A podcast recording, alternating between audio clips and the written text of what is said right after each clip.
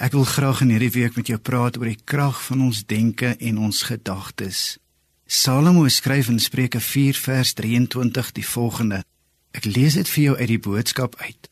Salomo sê: "Wees versigtig wat jy dink. Jou denke kan jou lewe ingrypend verander." Is dit daarom nie 'n kragtige stelling hierdie nie? Nou ons almal weet negativiteit strem ons positiwiteit en negativiteit is eintlik maar net 'n vermorsing van kosbare tyd en energie. En tog is vele van ons dalk elke dag net negatief. Kom ons besin so 'n bietjie vandag oor die ander kant van die muntstuk, positiwiteit. Wanneer ons positief is, dan word ons beloon. Hoor wat sê die Here? Hy sê self hier in Deuteronomium 30 vers 19.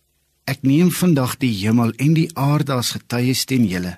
Die lewe en die dood, die seën en die vloek het ek jou voorgehou. Kies dan die lewe dat jy kan lewe, jy en jou nageslag. Uit hierdie gedeelte kom ons duidelik agter dat die Here graag wil hê ek en jy moet lewe kies.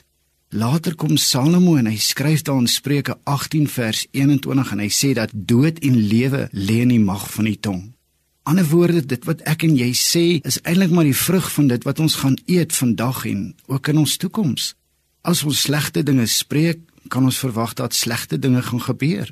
Maar wanneer ek en jy positiewe, opbouende goed spreek, kan ons verwag dat ook goeie dinge met my en jou kan gebeur. Ek lees weer daai vers vir ons Spreuke 4 vers 23.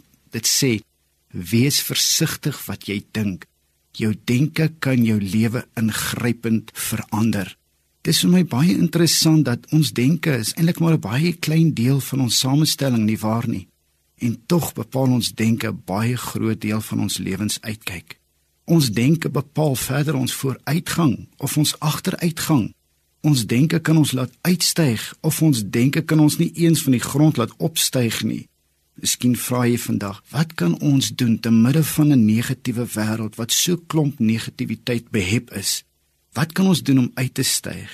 Kom ek en jy besluit vandag om vooraf altyd positief te wees, want jy sien sukses of mislukking hang af van die gesindheid waarmee ek en jy iets aanpak. Mense is nie outomaties positiewe mense nie. Positiwiteit is 'n keuse. Paulus skryf ook in Filippense 2 vers 9 en hy sê Jesus self het gekies om gehoorsaam te wees. Kom ek en jy besluit vandag om positief te wees. Kom ons besluit om goed te doen vandag aan mekaar. Mag die Here jou ook help met hierdie opdrag.